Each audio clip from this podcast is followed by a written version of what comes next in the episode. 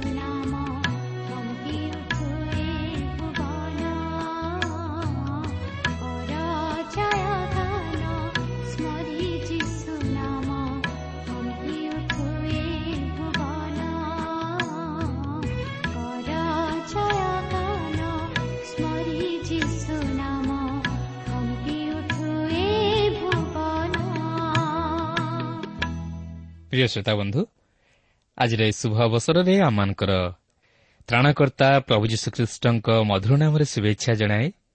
ଆଜିର ଏହି ପଥ ପ୍ରଦର୍ଶିକା କାର୍ଯ୍ୟକ୍ରମରେ ହେବା ନିମନ୍ତେ ଆପଣଙ୍କୁ ସ୍ୱାଗତ ଜଣାଏ। ଆପଣଙ୍କର ସହଯୋଗ ନିମନ୍ତେ ବିଶେଷ ଧନ୍ୟବାଦ। ଆପଣଙ୍କର ପ୍ରାର୍ଥନାର ଅନୁରୋଧ ରକ୍ଷା କରି ଆମେ ମଧ୍ୟ ଆପଣଙ୍କ ନିମନ୍ତେ ପ୍ରାର୍ଥନା କରୁଅଛୁ। ଆଉ ସେହି ପ୍ରଭୁ ଯୀଶୁ ନିଶ୍ଚିତ ଭାବରେ ଆପଣଙ୍କର ସମସ୍ୟା ସମାଧାନ କରିବେ। କିନ୍ତୁ ସେ ଚାହାନ୍ତି ଆପଣଙ୍କର ଦୃଢ଼ ବିଶ୍ୱାସ। ହଁ ଆହୁରି ମଧ୍ୟ ଆମେ ବିଶେଷ ଖୁସି ଯେ ଆପଣ ନିଜେ ଏହି କାର୍ଯ୍ୟକ୍ରମ ଶୁଣିବା ସଙ୍ଗେ ସଙ୍ଗେ ଅନ୍ୟମାନଙ୍କୁ ମଧ୍ୟ ଶୁଣାଇବାରେ ଉତ୍ସାହିତ କରୁଅଛନ୍ତି। ପ୍ରଭୁ ଆପଣଙ୍କୁ ଆଶୀର୍ବାଦ କରନ୍ତୁ ଆହୁରି ଆହୁରି ଆତ୍ମିକ ଜୀବନରେ ବର୍ଦ୍ଧିଷ୍ଣୁ କରାନ୍ତୁ। ଆସନ୍ତୁ ପ୍ରଭୁଙ୍କର ବାକ୍ୟ ମଧ୍ୟକୁ ଯିବା ପୂର୍ବରୁ ସଂକ୍ଷେପରେ ପ୍ରାର୍ଥନା କରିବା। ପବିତ୍ର ପ୍ରଭୁ ତୁମର ପବିତ୍ର ନାମର ଧନ୍ୟବାଦ କରୁଅଛୁ ତୁମର ପ୍ରଶଂସା କରୁଅଛୁ ସୁନ୍ଦର ସମୟ ପାଇଁ ସୁନ୍ଦର ସୁଯୋଗ ପାଇଁ। ହଁ ପବିତ୍ର ପ୍ରଭୁ ଜଗତର ସମସ୍ତ ବ୍ୟସ୍ତତା ମଧ୍ୟରୁ ତୁମେ ଆମମାନଙ୍କୁ କଢ଼ାଇ ଆଣିଛ କିଛି ସମୟ ଧରି ତୁମର ବାକ୍ୟ ଅଧ୍ୟୟନ ତଥା ଶ୍ରବଣ କରିବା ପାଇଁ। ପ୍ରଭୁ ଆମେ ଯେତିକି ସମୟ ଧରି ତୁମର ବାକ୍ୟ ଅଧ୍ୟୟନ କରିବୁ ବା ଶ୍ରବଣ କରିବୁ ସେଥିନିମନ୍ତେ ତୁମେ ଆମମାନଙ୍କୁ ଧୀର ସ୍ଥିର ଚିତ୍ତ ଦାନ କର। ତୁମର ବାକ୍ୟ ମଧ୍ୟ ଦେଇ ପ୍ରଭୁ ତୁମେ ଆମମାନଙ୍କ ସହିତରେ କଥା କୁହ। ଆଜି ଯେଉଁ ଶ୍ରୋତାବନ୍ଧୁମାନେ ପ୍ରଭୁ ତୁମଠାରୁ ସେ ଆଶୀର୍ବାଦ ଭିକ୍ଷା କରିବାର ଅପେକ୍ଷାରେ ଅଛନ୍ତି ପ୍ରତ୍ୟେକଙ୍କୁ ତୁମର ସ୍ୱର୍ଗୀୟ ଆଶୀର୍ବାଦ ଏବଂ ଅନୁଗ୍ରହରେ ପରିପୂର୍ଣ୍ଣ କର। ପ୍ରତ୍ୟେକଙ୍କ ହୃଦୟରେ ତୁମର ବାକ୍ୟ ମଧ୍ୟ ଦେଇ ପ୍ରଭୁ ତୁମେ କଥା କୁହ।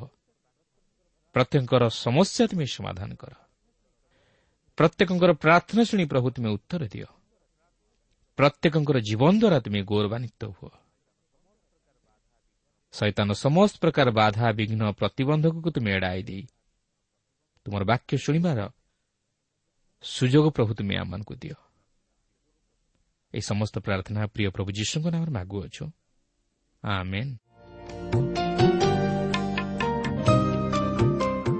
ଆସନ୍ତୁ ବର୍ତ୍ତମାନ ଆମେ ପ୍ରଭୁଙ୍କର ବାକ୍ୟ ମଧ୍ୟକୁ ଯିବା।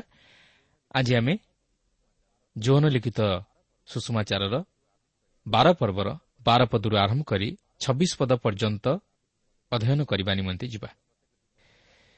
ତେବେ ଆମେ ପ୍ରତ୍ୟେକଟି ପଦକୁ ପାଠ କରିବାକୁ ଯିବା ନାହିଁ ମାତ୍ର କେତେକ ମୁଖ୍ୟ ପଦ ଉପରେ ଟିକେ ଦୃଷ୍ଟି ଦେବା ଯଦ୍ୱାରା ଆମେ କମ୍ ସମୟ ମଧ୍ୟରେ ଅଧିକ ଅଧିକ ବିଷୟ ଜାଣିବା ନିମନ୍ତେ ସମର୍ଥ ହୋଇପାରିବା। ତେବେ ଆଜି ଆମେ ଯୀଶୁଙ୍କର ଜିରୁସାଲାମ ମଧ୍ୟକୁ ଯାତ୍ରା କରିବା ନେଇ ଦେଖିବାକୁ ଯିବା ଯାହାକୁ ଏକ ବିଜୟର ଯାତ୍ରା ବୋଲି କୁହାଯାଏ। ଓ ଏହା ସେହି ନିସ୍ତାର ପର୍ବର ପୂର୍ବରୁ ଅର୍ଥାତ୍ ସେହି ଶେଷ ସପ୍ତାହ ମଧ୍ୟରେ ଘଟିଥିଲା। ତେବେ ଏହି ଯାତ୍ରା କରିବା ସମୟରେ କ'ଣ କ'ଣ ଘଟିଲା ତାହା ଆଜି ଆମେ ଦେଖିବା। ଦେଖନ୍ତୁ ବାର ପର୍ବର ବାର ଓ ତେର ପଦରେ ଏହିପରି ଲେଖା ଅଛି। ତହିଁଆର ଦିନ ପର୍ବକୁ ଆସିଥିବା ବହୁ ସଂଖ୍ୟକ ଲୋକ ଯୀଶୁ ଜିରୁସାଲାମକୁ ଆସୁଅଛନ୍ତି ବୋଲି ଶୁଣି ଖଜୁରୀ ବାହୁଙ୍ଗା ଘେନି ତାହାଙ୍କୁ ଭେଟିବା ନିମନ୍ତେ ବାହାରିଗଲେ ଓ ଉଚ୍ଚସ୍ୱରରେ କହିବାକୁ ଲାଗିଲେ ହୋସାନ୍ନା ପ୍ରଭୁଙ୍କ ନାମରେ ଯିଏ ଆସୁଅଛନ୍ତି ସେ ଧନ୍ୟ ଧନ୍ୟ ଇସ୍ରାଏଲ୍ର ରାଜା। ଦେଖନ୍ତୁ ଯୀଶୁ ନିସ୍ତାର ପର୍ବର ପୂର୍ବରୁ ସେହି ଜିରୁସାଲାମକୁ ଯାତ୍ରା କରୁଅଛନ୍ତି। ଓ ଏହି ସମୟରେ ବହୁ ସଂଖ୍ୟକ ଲୋକ ଯେଉଁମାନେ କି ସେହି ନିସ୍ତାର ପର୍ବ ପାଳନ କରିବାକୁ ଜିରୁସାଲାମକୁ ଆସିଥିଲେ ସେମାନେ ଖଜୁରୀ ବାହୁଙ୍ଗା ଧରି ଯୀଶୁଙ୍କୁ ଭେଟିବାକୁ ଯାଉଅଛନ୍ତି ଓ ତାହାଙ୍କୁ ଇସ୍ରାଏଲ୍ର ରାଜା ରୂପେ ଅଭିନନ୍ଦନ ଜ୍ଞାପନ କରୁଅଛନ୍ତି ଆପଣ ଜାଣିଥିବେ ଯେ ଯୀଶୁ ଯେତେବେଳେ ଜନ୍ମଗ୍ରହଣ କରିଥିଲେ ସେତେବେଳେ ପଣ୍ଡିତମାନେ ଆସି ପଚାରିଥିଲେ ଜିହୁଦୀମାନଙ୍କ ଯେଉଁ ରାଜା ଜନ୍ମଗ୍ରହଣ କରିଅଛନ୍ତି ସେ କେଉଁଠାରେ? ଅର୍ଥାତ୍ ସେ ତାହାଙ୍କର ଜନ୍ମ ସମୟରେ ପଣ୍ଡିତମାନଙ୍କ ଦ୍ୱାରା ରାଜା ରୂପେ ଘୋଷିତ ହୋଇଥିଲେ ଓ ଏଠାରେ ତାଙ୍କର ମୃତ୍ୟୁ ପୂର୍ବରୁ ସେ ରାଜା ରୂପେ ଘୋଷିତ ହେଉଛନ୍ତି। କିନ୍ତୁ ଆପଣ ଦେଖନ୍ତୁ ସେ ଲୋକମାନଙ୍କ ତରଫରୁ ରାଜା ରୂପେ ଆଖ୍ୟା ପାଉଛନ୍ତି ମାତ୍ର ଏହାପରେ ସେମାନେ ତାହାଙ୍କୁ ମଧ୍ୟ ଅଗ୍ରାହ୍ୟ କଲେ। ସେମାନେ ତାହାଙ୍କୁ କୃଷରେ ଚଢ଼ାଇଲେ। ବର୍ତ୍ତମାନ ସେ ଆଉ ସେମାନଙ୍କ ସହିତ ମିଶୁନାହାନ୍ତି କି ଶିକ୍ଷା ଦେଉନାହାନ୍ତି କାରଣ ସେ ଆଉ ବର୍ତ୍ତମାନ ପ୍ରଚାର କରିବାକୁ ଯାଉନାହାନ୍ତି। ତାହା ବର୍ତ୍ତମାନ ବନ୍ଦ ହୋଇଯାଇଛି। ତେଣୁକରି ସେ ବର୍ତ୍ତମାନ ଆଉ ଲୁକାୟିତ ଭାବରେ ରହିବାକୁ ଚାହୁଁନାହାନ୍ତି। ମାତ୍ର ସେ ପ୍ରକାଶ୍ୟରେ ଲୋକମାନଙ୍କ ନିକଟରେ ନିଜକୁ ପ୍ରକାଶ କରୁଅଛନ୍ତି। ବର୍ତ୍ତମାନ ସେ ଯାହା କରିବାକୁ ଯାଉଅଛନ୍ତି ତାହା ଭାଓବାଣୀ ଅନୁଯାୟୀ ସଫଳ ହେବାକୁ ଯାଉଅଛି।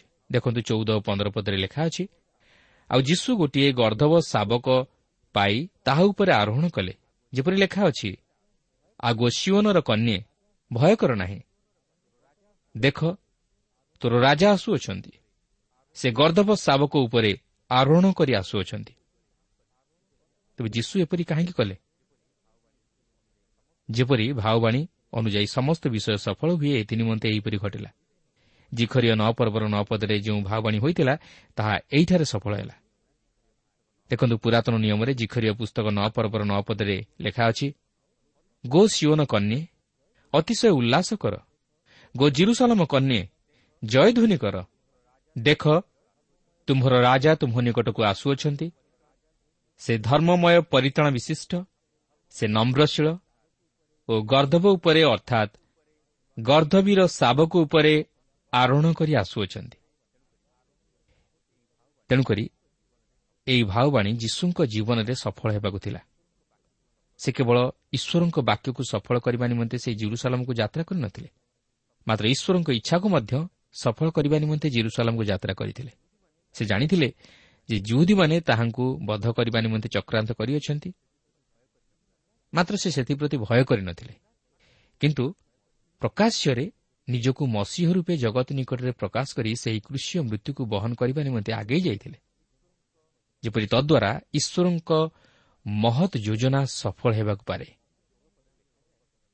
କିନ୍ତୁ ଷୋହଳ ପଦରେ ଲେଖାଯାଏ ଯେ ଶିଷ୍ୟମାନେ ସେତେବେଳେ ତହିଁର ଭାବ କିଛି ବୁଝିପାରିନଥିଲେ ମାତ୍ର ଯୀଶୁ ମହିମାନ୍ୱିତ ହେଲା ଉତ୍ତାରେ ଏ ସମସ୍ତ ବିଷୟ ଯେ ତାହାଙ୍କ ସମ୍ବନ୍ଧରେ ଲେଖାଯାଇଥିଲା ପୁଣି ତାହାଙ୍କ ପ୍ରତି ଯେ ସେମାନେ ଏହିସବୁ କରିଥିଲେ ତାହା ସେମାନଙ୍କ ମନରେ ପଡ଼ିଲା। କିନ୍ତୁ ଏଠାରେ ଆପଣଙ୍କ ମନରେ ପ୍ରଶ୍ନ ଉଠିପାରେ ଯେ ଯୀଶୁ ଗଧ ଉପରେ କାହିଁକି ଚଢ଼ି ଯାତ୍ରା କଲେ ସେ କ'ଣ ଆଉ କିଛି ଯାନ ଉପରେ ବା ପଶୁ ଉପରେ ଚଢ଼ି ଯାତ୍ରା କରିପାରିନଥାନ୍ତେ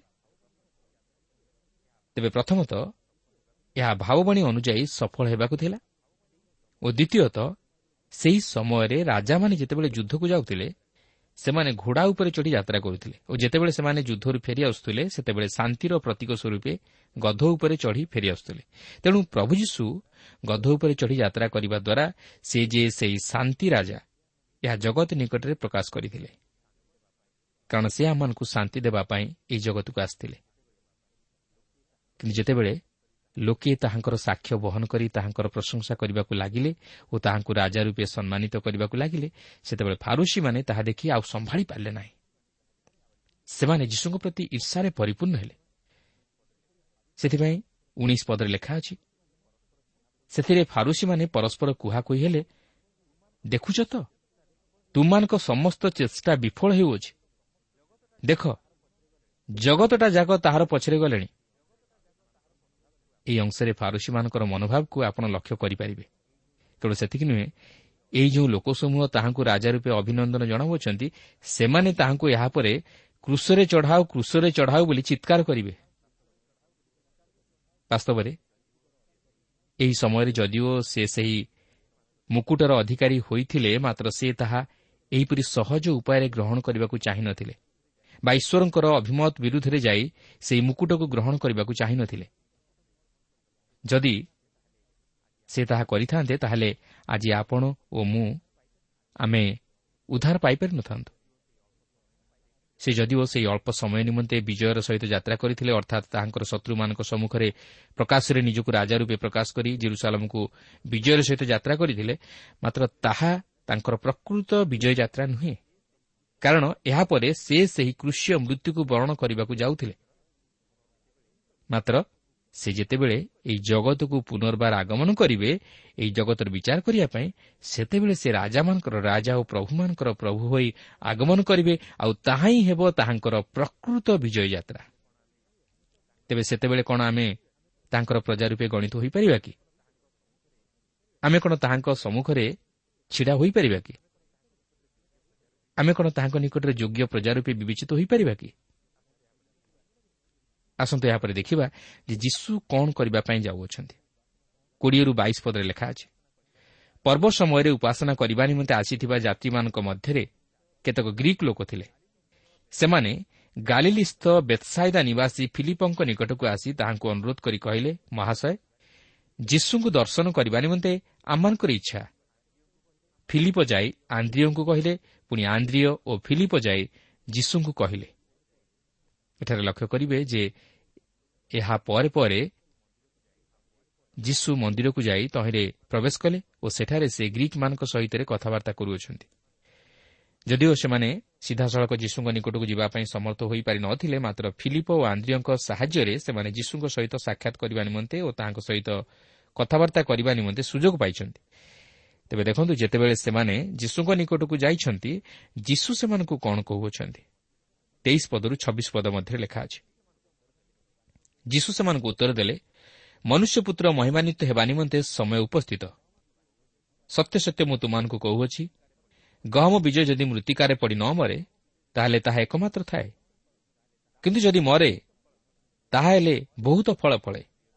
ଯେ ଆପଣା ପ୍ରାଣକୁ ପ୍ରିୟ ଜ୍ଞାନ କରେ ସେ ତାହା ହରାଇବ। ଆଉ ଯେ ଆପଣା ପ୍ରାଣକୁ ଇହ ଜଗତରେ ଘୃଣା କରେ ସେ ତାହା ଅନନ୍ତ ଜୀବନ ନିମନ୍ତେ ରକ୍ଷା କରିବ। କେହି ଯେବେ ମୋହର ସେବକ ତେବେ ସେ ମୋହର ଅନୁଗମନ କରୁ। ଆଉ ମୁଁ ଯେଉଁଠାରେ ଥାଏ ମୋହର ସେବକ ମଧ୍ୟ ସେହିଠାରେ ରହିବ। କେହି ଯେବେ ମୋହର ସେବା କରେ ତେବେ ପିତା ତାହାକୁ ସମ୍ମାନ ଦେବେ। ଏହି ଅଂଶରେ ଆପଣ ଦେଖିବେ ଯେ ଯୀଶୁ ସେମାନଙ୍କୁ ଅର୍ଥାତ୍ ଏଠାରେ ସେ ଶିଷ୍ୟମାନଙ୍କୁ ଓ ଗ୍ରୀକ୍ମାନଙ୍କୁ ଏହି କଥା କହନ୍ତି ମନୁଷ୍ୟପୁତ୍ର ମହିମାନ୍ୱିତ ହେବା ନିମନ୍ତେ ସମୟ ଉପସ୍ଥିତ। ତେବେ ଗ୍ରୀକ୍ମାନେ ପ୍ରଭୁ ଯୀଶୁଙ୍କୁ ଦେଖିବା ନିମନ୍ତେ ଇଚ୍ଛା କରିବାର କାରଣ ହେଉଛି ଯେ ସେମାନେ ତାହାଙ୍କ ବିଷୟରେ ଶୁଣିଥିଲେ ସମ୍ଭବତଃ ତାହାଙ୍କ ଆଶ୍ଚର୍ଯ୍ୟ କର୍ମ ବିଷୟରେ ହୋଇପାରେ ବିଶେଷ କରି ଲାଜାରଙ୍କୁ ମୃତ୍ୟୁରୁ ଉଠାଇବା ବିଷୟ ମଧ୍ୟ ଶୁଣିଥିଲେ। ତେଣୁକରି ସେମାନେ ତାହାଙ୍କୁ ଦେଖିବାକୁ ଇଚ୍ଛା କରିଥିଲେ। ମାତ୍ର ଯୀଶୁ ସେମାନଙ୍କର ଚିନ୍ତାଧାରାକୁ ନେଇଯାଆନ୍ତି ତାହାଙ୍କର ସେହି କୃଷ ଉପରକୁ। କାରଣ ଯେତେବେଳେ ସେ କହନ୍ତି ମନୁଷ୍ୟପୁତ୍ର ମହିମାନ୍ୱିତ ହେବା ନିମନ୍ତେ ସମୟ ଉପସ୍ଥିତ ସେତେବେଳେ ସେ ତାହାଙ୍କର ସେହି କୃଷକୁ ଦର୍ଶାନ୍ତି। କିନ୍ତୁ ଆପଣ ଜାଣିଥିବେ ଯେ ସେ ତାଙ୍କର ପ୍ରଚାର କାର୍ଯ୍ୟ ଆରମ୍ଭ କରିବା ସମୟରେ ତାହାଙ୍କ ମାତାଙ୍କୁ କହିଥିଲେ ମୋର ସମୟ ଏପର୍ଯ୍ୟନ୍ତ ଉପସ୍ଥିତ ହୋଇନାହିଁ। କିନ୍ତୁ ଏଠାରେ ସେ କହନ୍ତି ମୋହର ସମୟ ଉପସ୍ଥିତ। କାରଣ ସେ ସେହି କୃଷି ମୃତ୍ୟୁବରଣ କରିବାକୁ ଯାଉଅଛନ୍ତି। ସେ ଈଶ୍ୱରଙ୍କର ସେହି ମହତ୍ ଅଭିମତକୁ ସଫଳ କରିବା ନିମନ୍ତେ ଆଗେଇ ଯାଉଛନ୍ତି। ସେ ଈଶ୍ୱରଙ୍କର ବାଧ୍ୟ ହେଉଛନ୍ତି। ଏପରିକି ସେ ସେହି କୃଷି ମୃତ୍ୟୁ ପର୍ଯ୍ୟନ୍ତ ଈଶ୍ୱରଙ୍କର ଆଜ୍ଞାବହ ହେଉଛନ୍ତି। କାହିଁକି? ଆପଣ ଯଦି ଗାଲାତୀୟ ତିନି ପର୍ବର ତେର ଓ ଚଉଦ ପଦ ପାଠ କରିବେ ତାହେଲେ ଜାଣିପାରିବେ ଯେ ସେ କାହିଁକି ସେହି କୃଷି ମୃତ୍ୟୁବରଣ କଲେ। ଦେଖନ୍ତୁ ସେଠାରେ ଲେଖା ଅଛି ଯୀଶୁଖ୍ରୀଷ୍ଟଙ୍କ ହେତୁ ଅବ୍ରାହମଙ୍କର ଆଶୀର୍ବାଦ ଯେପରି ବିଜାତିମାନଙ୍କ ପ୍ରତି ବର୍ତ୍ତେ ପୁଣି ଆମ୍ଭେମାନେ ଯେପରି ବିଶ୍ୱାସ ହେତୁ ପ୍ରତିଜ୍ଞାତ ଆତ୍ମା ପ୍ରାପ୍ତ ହେଉ ଏଥିପାଇଁ ଖ୍ରୀଷ୍ଟ ଆମମାନଙ୍କ ନିମନ୍ତେ ଅଭିଶପ୍ତ ହୋଇ ବ୍ୟବସ୍ଥାର ଅଭିଶାପରୁ ମୂଲ୍ୟ ଦେଇ ଆମମାନଙ୍କୁ ମୁକ୍ତ କଲେ। କାରଣ ଲେଖା ଅଛି ଯେ କେହି ଖୁଣ୍ଟରେ ଟଙ୍ଗାଯାଏ ସେ ଅଭିଶପ୍ତ। ତେଣୁ ପ୍ରଭୁ ଯୀଶୁଖ୍ରୀଷ୍ଟ ଆମମାନଙ୍କୁ ସେହି ପାପରୁ ଉଦ୍ଧାର କରିବା ପାଇଁ ଓ ସେହି ଦଣ୍ଡରୁ ଆମକୁ ମୁକ୍ତ କରିବା ପାଇଁ ନିଜେ ଅଭିଶପ୍ତ ହେଲେ। ଯେପରି ସେ ଆମମାନଙ୍କୁ ବ୍ୟବସ୍ଥାର ଅଧୀନରୁ ମୁକ୍ତ କରନ୍ତି। କାରଣ ଆଜି ଯଦି ଆମେ ନିଜର ପାପ ହେତୁ ଈଶ୍ୱରଙ୍କ ବ୍ୟବସ୍ଥା ଅନୁଯାୟୀ ବିଚାରିତ ହୋଇଥାନ୍ତୁ ତାହେଲେ ଆମେ ଏହି ଜଗତରେ ମୁହୂର୍ତ୍ତେ ମାତ୍ର ବଞ୍ଚି ରହିବାକୁ ମଧ୍ୟ ଯୋଗ୍ୟ ବିବେଚିତ ହୋଇପାରିନଥାନ୍ତୁ। ମାତ୍ର ପ୍ରଭୁ ଯୀଶୁଙ୍କ ହେତୁ ଆଜି ଆମେ ରକ୍ଷା ପାଇଯାଉଛୁ। ଯେହେତୁ ସେ ଆମମାନଙ୍କ ପାପ ନିମନ୍ତେ ତାହାଙ୍କର ସେହି ପବିତ୍ର ରକ୍ତ ମୂଲ୍ୟ ସ୍ୱରୂପେ ଦେଇଅଛନ୍ତି। କିନ୍ତୁ ଏହାର ଅର୍ଥ ନୁହେଁ ଯେ ଆମେ ପାପ କରି ଚାଲିଥିବା। ମାତ୍ର ଆମକୁ ଆମର ପାପ ନିମନ୍ତେ ଅନୁତାପ କରି କ୍ଷମା ମାଗିବାକୁ ହେବ। କାରଣ ଈଶ୍ୱର ଯଦିଓ ଦୀର୍ଘ ସହିଷ୍ଣୁ ମାତ୍ର ଚିର ସହିଷ୍ଣୁ ନୁହନ୍ତି। ଓ ସେ ଏହି ଉଦ୍ଧାରର ଯୋଜନା ଯୀଶୁଖ୍ରୀଷ୍ଟଙ୍କ ଦ୍ୱାରା ହିଁ ସାଧନ କଲେ ଯେପରି ଆପଣ ଓ ମୁଁ ପ୍ରଭୁ ଯୀଶୁଖ୍ରୀଷ୍ଟଙ୍କଠାରେ ବିଶ୍ୱାସ କରିବା ଦ୍ୱାରା ଓ ତାହାଙ୍କ ନିକଟରେ ନିଜର ପାପକୁ ସ୍ୱୀକାର କରିବା ଦ୍ୱାରା ପାପରୁ ଉଦ୍ଧାର ପାଇ ଜୀବନରେ ପ୍ରବେଶ କରୁ। ତେଣୁ ଆମେ ଯଦି ନିଜର ପାପରୁ ଉଦ୍ଧାର ପାଇବାକୁ ଚାହୁଁ ତାହେଲେ ସେହି ଯୀଶୁଖ୍ରୀଷ୍ଟଙ୍କର କୃଷ ନିକଟକୁ ଯିବାକୁ ହେବ ଓ ନିଜର ପାପ ନିମନ୍ତେ ଅନୁତାପ କରି ତାହା ସ୍ୱୀକାର କରିବାକୁ ହେବ। ତାହାହେଲେ ଆମେ ପାପରୁ ଉଦ୍ଧାର ପାଇ ସେହି ଅନନ୍ତ ଜୀବନରେ ପ୍ରବେଶ କରିପାରିବା। ତେବେ ଆପଣ ପ୍ରଶ୍ନ କରିପାରନ୍ତି ଯେ ସେ ତ ସେହି କୃଷି ମୃତ୍ୟୁ ଭୋଗ କରିବାକୁ ଯାଉଥିଲେ ତାହେଲେ ସେ କିପରି କହିଲେ ଯେ ମନୁଷ୍ୟପୁତ୍ର ମହିମାନିତ ହେବା ନିମନ୍ତେ ସମୟ ଉପସ୍ଥିତ? ଏହାର କାରଣ ହେଉଛି ଯେ ସେହି କୃଷି ମୃତ୍ୟୁ ଦ୍ୱାରା ସେ ମହିମାନିତ ହେବାକୁ ଯାଉଥିଲେ। କାରଣ ସେ ସେହି କୃଷି ମୃତ୍ୟୁ ଦ୍ୱାରା ଈଶ୍ୱରଙ୍କୁ ମହିମାନିତ କରିବାକୁ ଯାଉଥିଲେ। ତେଣୁକରି ତୃତୀୟ ଦିନରେ ସେ ମୃତ୍ୟୁକୁ ଜୟ କରି ଉଠି ଗୌରବ ଓ ମହିମାର ମୁକୁଟରେ ବିଭୂଷିତ ହୋଇଥିଲେ। ସେଥିପାଇଁ ଏବ୍ରି ବାର ପର୍ବର ଦୁଇ ପଦରେ ଲେଖା ଅଛି ସେ ଆପଣା ସମ୍ମୁଖସ୍ଥ ଆନନ୍ଦ ନିମନ୍ତେ ଅପମାନ ତୁଚ୍ଛ ଜ୍ଞାନ କରି ଧୈର୍ଯ୍ୟ ସହ କୃଷିୟ ମୃତ୍ୟୁଭୋଗ କଲେ ପୁଣି ଈଶ୍ୱରଙ୍କ ସିଂହାସନର ଦକ୍ଷିଣ ପାର୍ଶ୍ୱରେ ଉପବିଷ୍ଟ ହୋଇଅଛନ୍ତି। ତେଣୁକରି ଆପଣ ଦେଖନ୍ତୁ ସେହି କୃଷରେ ଈଶ୍ୱରଙ୍କ ମହିମା ପ୍ରକାଶିତ ହୋଇଥିଲା। ତେଣୁକରି ସେ କହିପାରିଥିଲେ ଯେ ମନୁଷ୍ୟ ପୁତ୍ର ମହିମାନ୍ୱିତ ହେବା ନିମନ୍ତେ ସମୟ ଉପସ୍ଥିତ। ପ୍ରିୟ ବନ୍ଧୁ ଯେତେବେଳେ ସେ ମୋ ନିମନ୍ତେ ଓ ଆପଣଙ୍କ ନିମନ୍ତେ ସେହି କୃଷରେ ମୃତ୍ୟୁଭୋଗ କଲେ ସେତେବେଳେ ସେ ମହିମାନ୍ୱିତ ହେଲେ।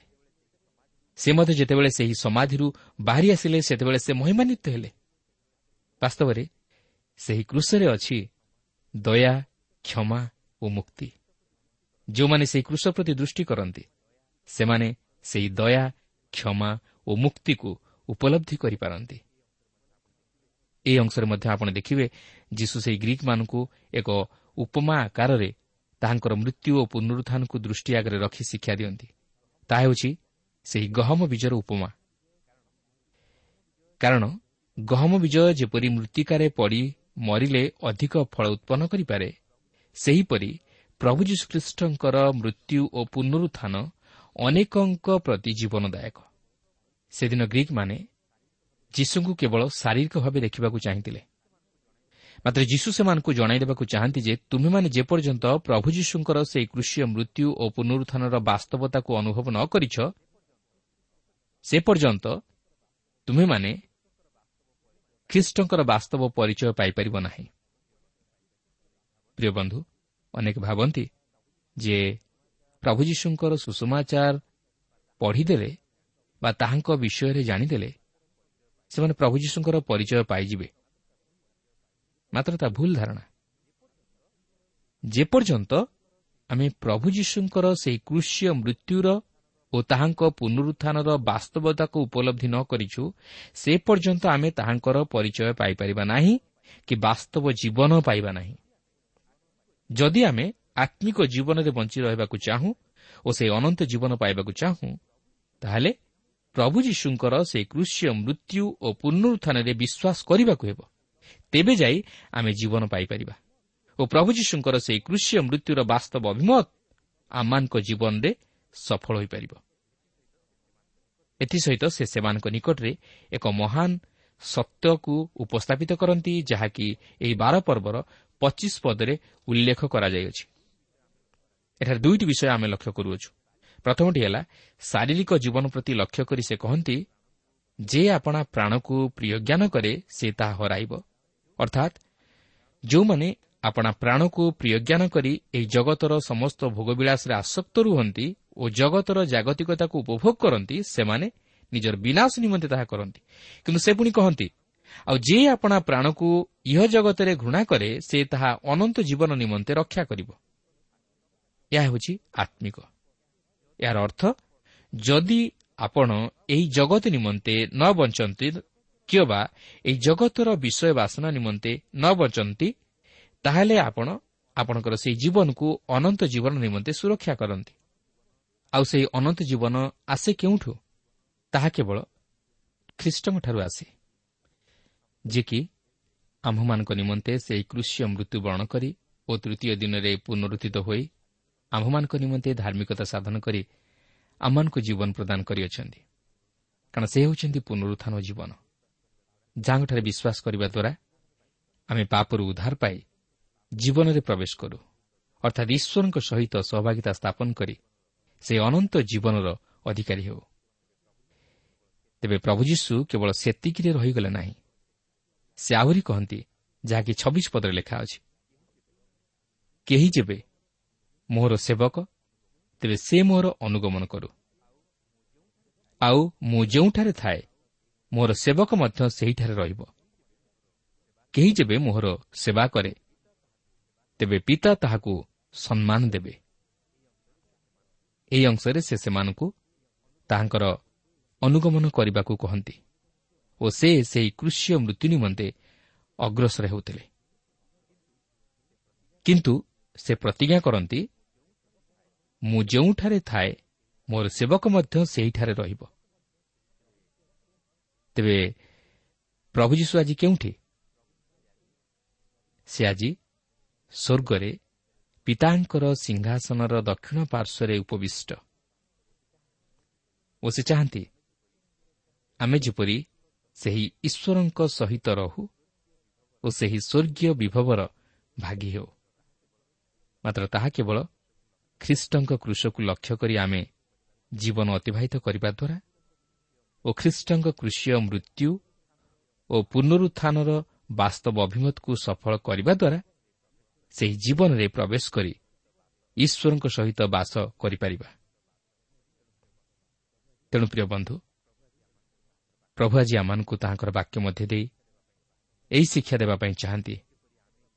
ଯେପରି ଆମେ ନିଜର ପାପ ନିମନ୍ତେ ଅନୁତପ୍ତ ହେଉ ଆଉ ସେହି ପାପ ସମସ୍ତ ତାଙ୍କର ସେହି କୃଷ ନିକଟରେ ସ୍ୱୀକାର କରି କ୍ଷମା ମାଗି ପାପରୁ ଉଦ୍ଧାରପ୍ରାପ୍ତ ହୋଇ ଅନନ୍ତ ଜୀବନର ଅଧିକାରୀ ହେଉ। ତାହେଲେ ଆମେ ପ୍ରଭୁ ଯୀଶୁଖ୍ରୀଷ୍ଟଙ୍କର ସେହି କୃଷିୟ ଯନ୍ତ୍ରଣାର ବାସ୍ତବ ଅଭିମତକୁ ତାଙ୍କର ସେହି କୃଷିୟ ପ୍ରେମର ବାସ୍ତବ ଅଭିମତକୁ ସଫଳ କରିପାରିବା। କିନ୍ତୁ କେବଳ ସମବେଦନା ଜ୍ଞାପନ କରିବା ଦ୍ୱାରା ନୁହେଁ। ପ୍ରଭୁ ଚାହାନ୍ତି ଆମମାନଙ୍କ ଜୀବନରୁ ସେହି ବିଶ୍ୱାସ ଆଉ ସେହି ଅନୁତପ୍ତ ହୃଦୟ। ପ୍ରଭୁ ପ୍ରତ୍ୟେକଙ୍କୁ ଏହି ସଂକ୍ଷିପ୍ତ ଆଲୋଚନା ମଧ୍ୟ ଦେଇ ଆଶୀର୍ବାଦ କରନ୍ତୁ।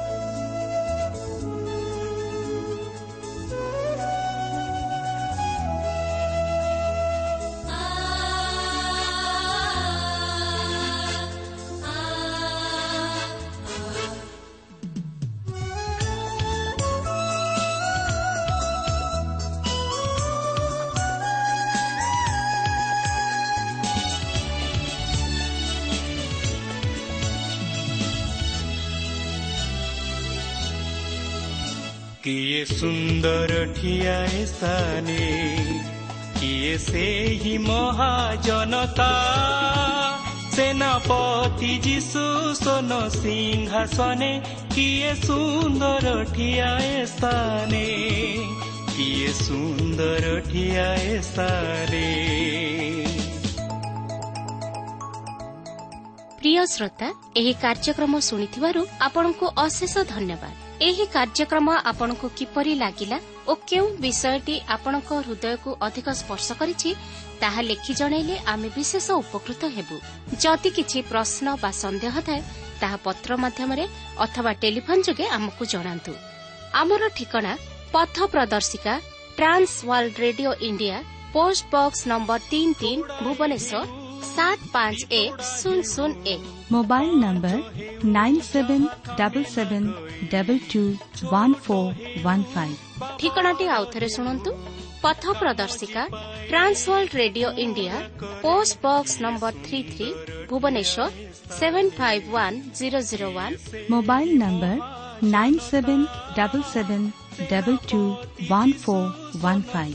ଆମର ଇମେଲ ଆଡ୍ରେସଟି ଲେଖି ରଖନ୍ତୁ Odia TTV at radio eight eight two dot com. ତେବେ ଆଜି ପାଇଁ ଏଠାରେ ରଖୁଛୁ। ନମସ୍କାର।